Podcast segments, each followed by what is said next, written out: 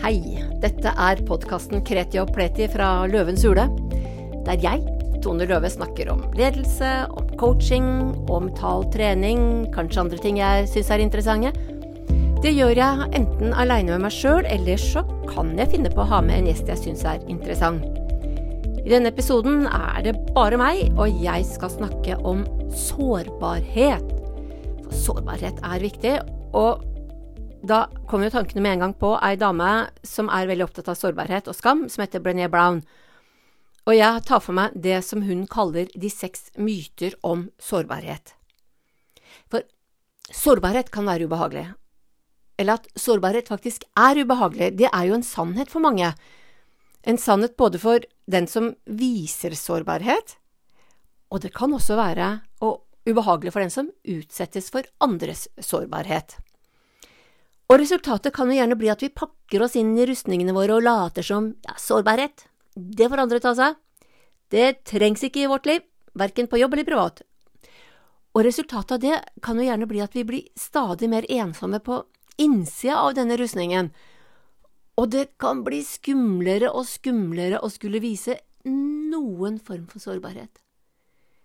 Altså, og selvsagt finnes det eksempler på at noen deler for mye sårbarhet for tidlig, og at det hele blir innmari kleint. Det betyr likevel ikke at vi skal kutte det ut, for det er, det er mange, kanskje spesielt unge, som sliter mentalt, og som føler seg ensomme, og som er livredde for hva andre mener, så redde at de knapt våger å ytre seg. Og ja, hvis jeg tenker meg godt om, så, så gjelder det ikke bare for de helt unge, altså. Det gjelder faktisk de aller fleste av oss. Jeg har, jeg, jeg har sånn inntrykk av at vi later som vi blir tryggere og litt flinkere til å gi faen med alderen. Og det blir vi også på sett og vis, samtidig som både jeg sjøl og mange andre faktisk kan bli reddere for å være sårbar, for å vise mitt ærlige ansikt når ting ikke er så bra. For når alt er bra, og livet flyter av gårde, ja, men da er det enkelt, og, og behovet for støtte er ikke så stort heller. Da kan vi skinne, både ute blant folk og på sosiale medier. Det er når de mentale tordenskyene samler seg, da er det lett å krype inn i hulen, inn i rustningen igjen, og skjule denne sårbarheten for omverdenen. Og det er jo akkurat da vi egentlig skulle våge å vise litt sårbarhet, sånn at vi kan få den støtten som vi da egentlig har behov for. Jeg nevnte Brené Brown i introen, og hun er en av mine forbilder på så utrolig mange måter. Hun er en amerikansk forsker med sosiologi som fag, og hun starta på mange måter karrieren sin ved å stille seg det spørsmålet om hva, hva er det som gjør at noen mennesker er så enkle å være sammen med, de er liksom som honningkrukka som alle samler seg rundt og ønsker å være i nærheten av. Er, altså, noen er så gode å være nær, de føles trygge, og de blir likt av de fleste. Og det svaret hun landa på etter å ha intervjua veldig mange, var at de nettopp våget å være sårbare uten å gå i offerfella. Altså, så sårbarhet er viktig for å våge å være hele mennesker. Og Brené Brown hun er jo den første til å innrømme at eh, det ikke er så innmari enkelt, for at hun, hun forsker og hun er, eh, går grundig til verks, og hun tenkte at hun også skulle utfordre seg sjøl ved å gå til psykolog. Og det gjorde hun.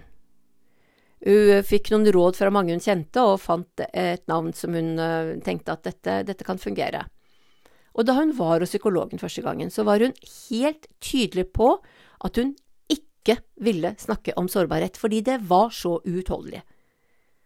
Men etter hvert skjønte hun eh, heldigvis at hun kom jo ikke videre uten å ta tak i det såret.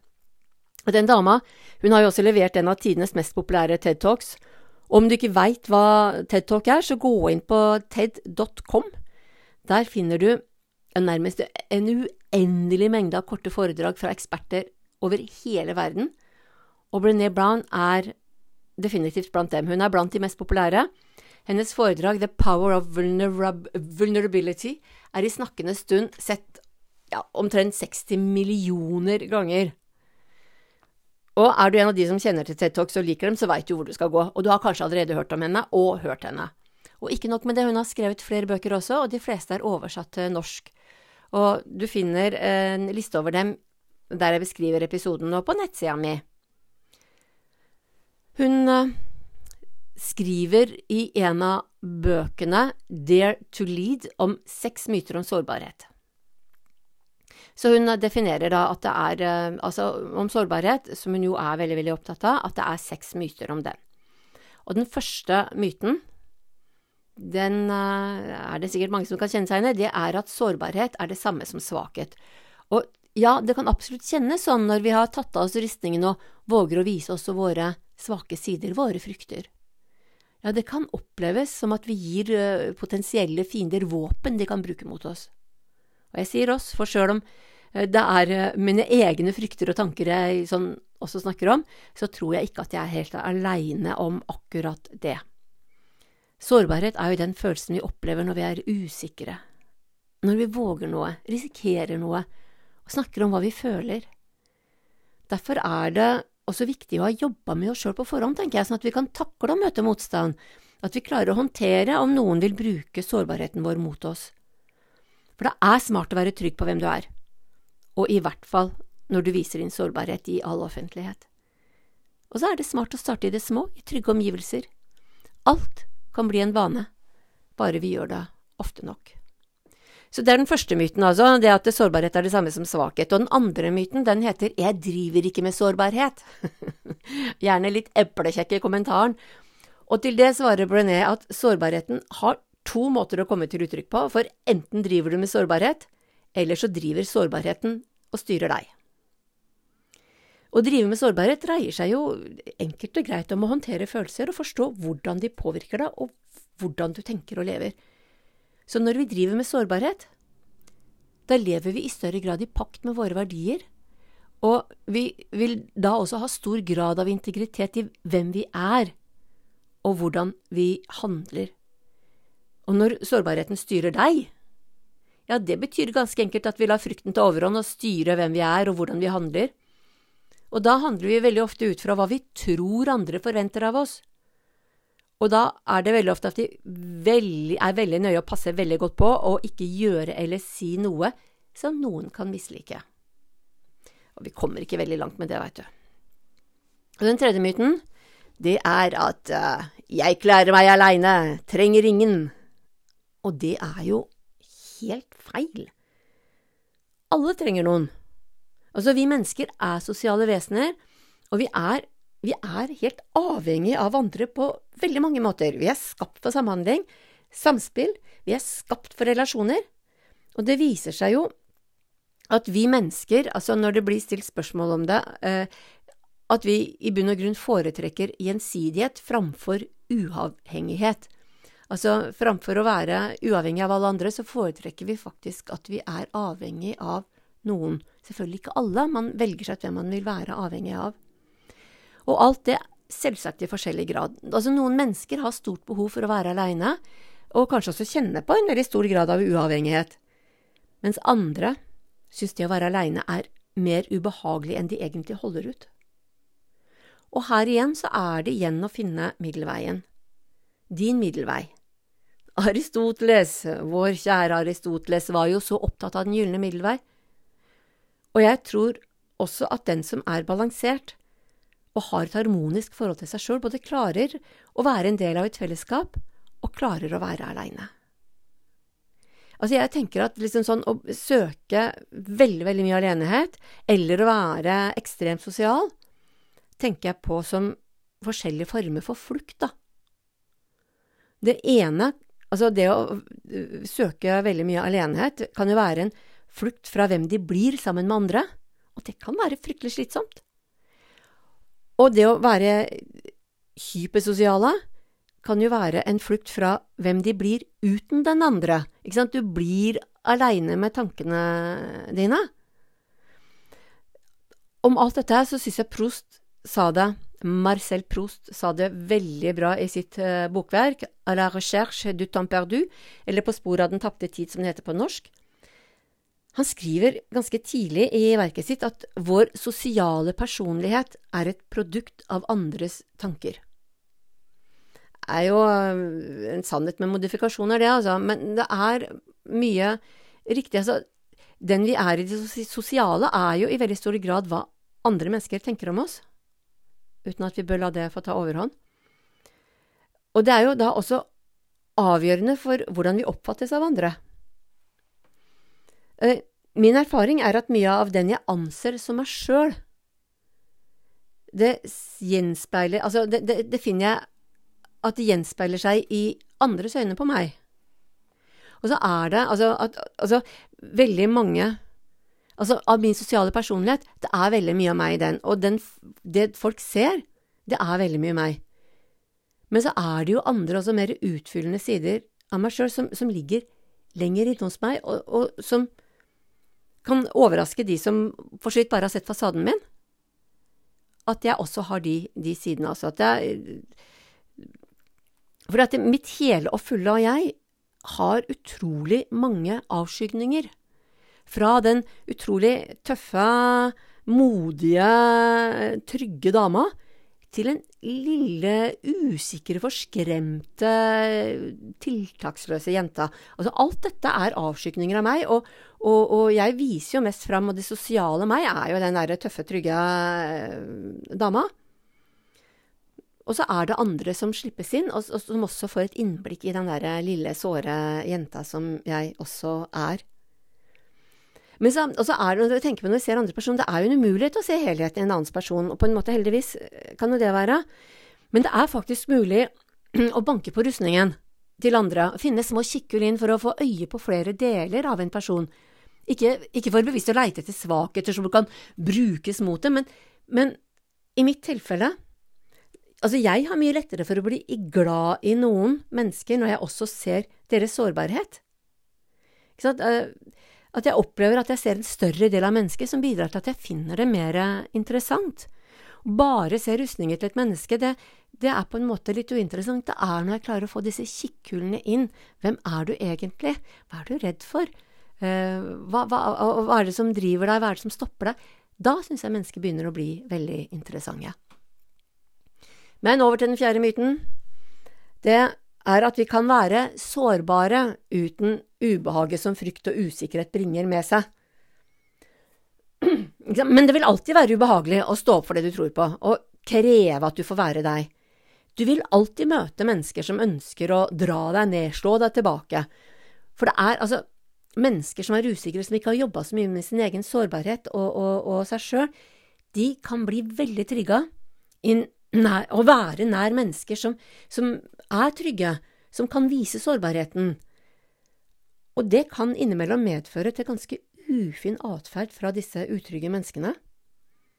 Uh, de kan si og, og, gjøre ting som oppleves som fiendtlig, men, men da, altså, når du opplever at mennesker prøver å trekke deg ned, så er det veldig smart å, å tenke at det, det har egentlig ingenting med deg å gjøre.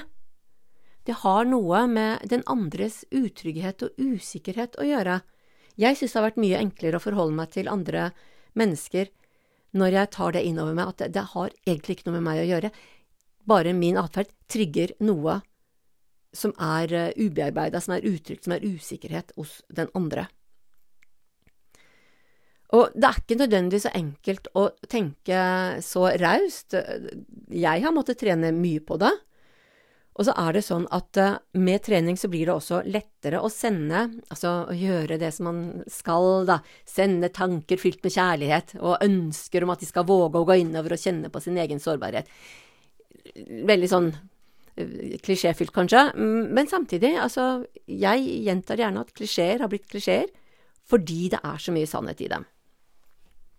Til dette med å sende kjærlighet, altså Jesus sa det jo en gang han også, at du skal vende det andre kinnet til. Og det er en måte det også å prøve, tenker jeg da, å ta inn over seg dette med at uh, det har egentlig ikke noe Den fiken du får, har ikke noe med deg å gjøre, det har noe med den andre å gjøre. Så har vi kommet til den femte myten. Og det er en uh, ganske krevende greie, det tenker jeg, da det er eh, den myten om at du faktisk trenger tillit før du kan være sårbar. Og det som er så krevende her, det er jo at det er eh, noe som lett biter seg i halen. ikke sant? At du må ha tillit for å våge sårbarhet. Og for å få tillit, så er det viktig å vise litt sårbarhet. Og da, da, kan det lett bli som sagt, det som biter seg i halen, at du, du, får ikke tillit uten å vise sårbarhet. Og hvis ikke du våger å vise sårbarhet uten å ha tillit, så blir det en litt umulig handling videre, da. Og det er jo skummelt, for som jeg sier, det, det, det, ved å vise sårbarhet, så stiller du deg åpen, og folk kan bruke det mot deg. Og ja, veldig mange har jo også erfart at når de stiller seg opp for hugg, så er det sannsynlig at det er noen som velger å hugge. Og det gjør vondt. Og det er nettopp derfor det er så viktig å jobbe med seg sjøl, så vi aksepterer og anerkjenner våre sårbarheter. Og, og så aksepterer at det gjør vondt innimellom. Og at det er greit. Altså, vondt er en del av, av livet. Men altså, når vi da trener oss på at vi aksepterer og anerkjenner våre sårbarheter, så selv om det gjør vondt, så kan jo andre svingslag også da bomme på målet. For det vi aksepterer og anerkjenner, det sårer oss ikke, i hvert fall ikke i samme grad som hvis vi ikke aksepterer og anerkjenner det. Og da er det også mye lettere å la være å ta imot fornærmelser og angrep fra andre. Parere det, vakkert og greit. Jeg liker jo Brené Brown veldig godt, og hun siterer på et sted Roosevelt og er veldig tydelig på at hun skal lytte til andre som ikke selv har stilt seg åpen. Altså, de som gjemmer seg og hugger på andre, de er bare ikke verdt å lytte til. Og igjen, selvsagt lettere sagt enn gjort, men, men tenk etter sjøl, da. Hvilke mennesker har du tillit til? Er det de som våger å stå for noe, eller er det de som snur kappa etter vinden? Så er vi kommet så langt som til den sjette myten, den er også litt sjarmerende, altså, den oppfatningen av at sårbarhet innebærer full åpenhet, som kan resultere i at vi deler altfor mye, at vi ikke bare holder oss til det personlige, men at vi trer det private nedover huet på det folk, og det blir sjelden godt tatt imot, da. Det oppleves som kleint og ubehagelig. Og så er det jo sånn at grensa mellom personlig og privat, det, den kan være en ganske krevende grense, da. Og den krevende balanse, og ikke minst fordi vi alle har også en forskjellig grense på hva vi oppfatter som personlig og privat. Det som er personlig for noe, er privat for andre. Derfor er det også viktig å tenke gjennom hva er det vi deler, og hvorfor deler vi det? Og ikke minst, hvem deler vi det med? Og så Samtidig så er det viktig at vi ikke blir så strenge at vi kjenner det at det liksom aldri er nødvendig å dele noe som helst med noen, da.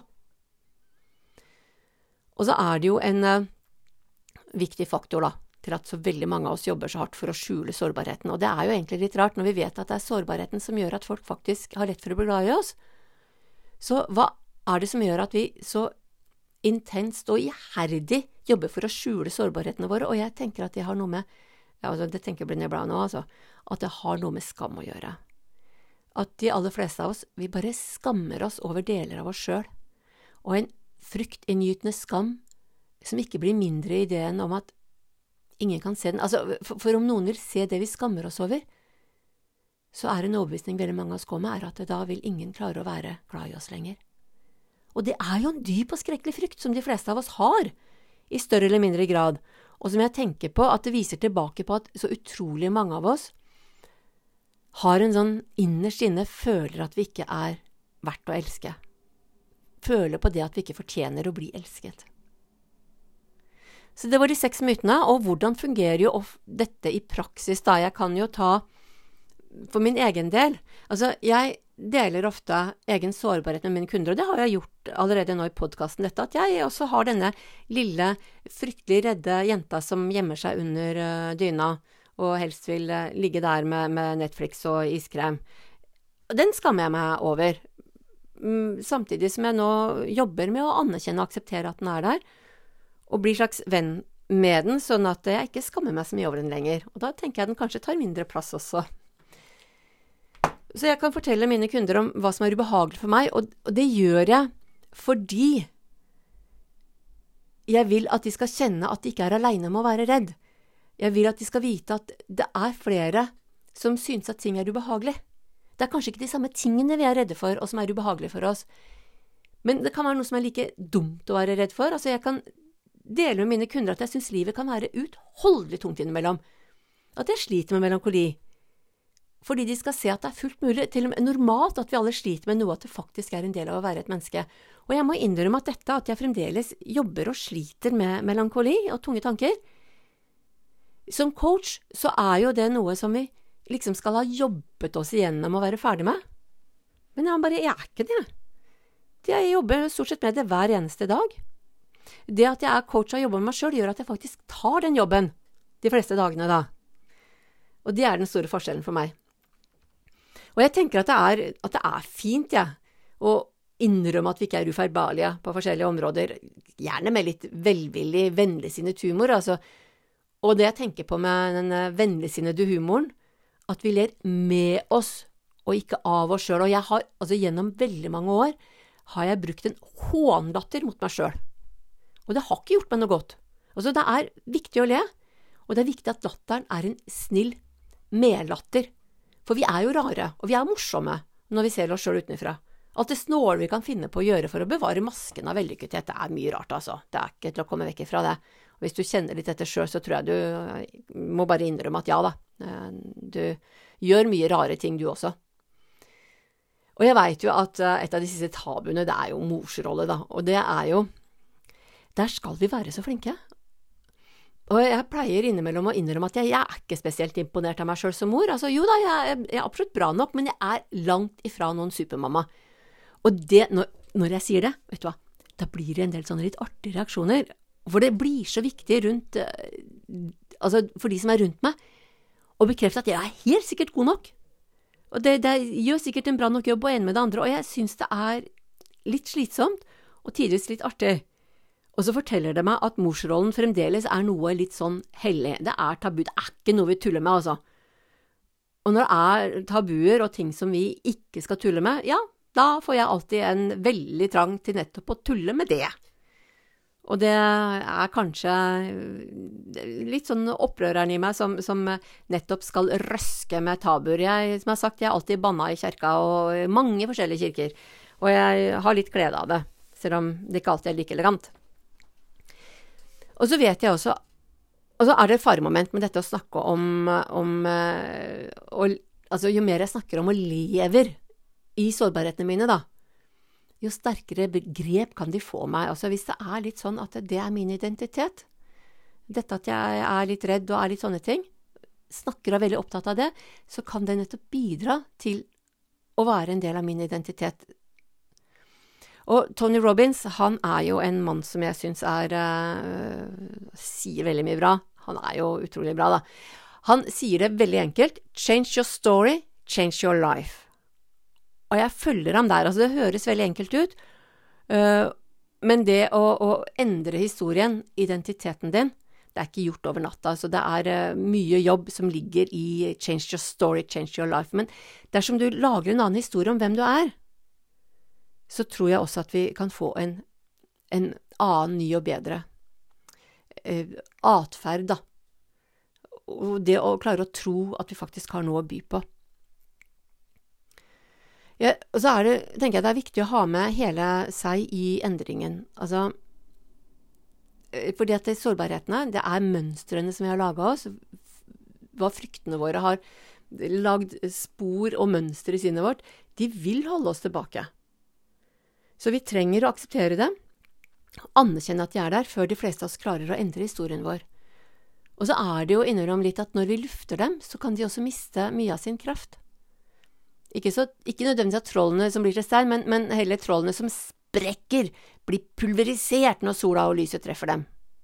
Da, da kan det være smart å bare ikke mase altfor mye om, om sårbarheten og, og, hvem du er i sårbarhetene, men bare lufte dem. Dette er noe av det som jeg frykter og er redd for, og så, og så la andre også se på det, og kanskje sola treffer og pulveriserer det. Og så kan vi da jobbe med å endre historien og endre identiteten vår. Altså, vi er jo hele mennesker, og jeg tror det å lære å trene inn og akseptere alle deler av oss, er veien å gå når vi skal våge å leve ut sårbarheten, og det selvsagt uten å gå i offerrollen. Så kan det være at du som lytter til nå, det kan være at du er en coach som, som kjenner på sårbarheten din med tanke på etablering av coachvirksomhet. Der har jeg en gledelig nyhet, ikke en nyhet igjen, men jeg har et hefte der flere av mine kolleger kommer, og meg sjøl også, da, kommer med tips og råd om hva som er viktig å tenke på når du skal bygge en coachvirksomhet som du kan leve av. Du finner eh, lenke til den, eh, tilhørende eh, her. Bare trykk på den, så får du legge inn adressen din, og så får du heftet hvor mange flotte damer som jeg har hatt med meg, kommer med gode tips og råd om hvordan du skal bygge en coachvirksomhet det går an å leve av. Og til både deg som er coach og alle dere andre som hører på, så vil jeg utfordre deg til å kjenne på hvordan du kan jobbe med din egen sårbarhet. For jeg er enig med Brené Brown. Det er utrolig viktig å jobbe med egen sårbarhet. Og da er det bare å sette i gang og jobbe på, og lykke til med den jobben.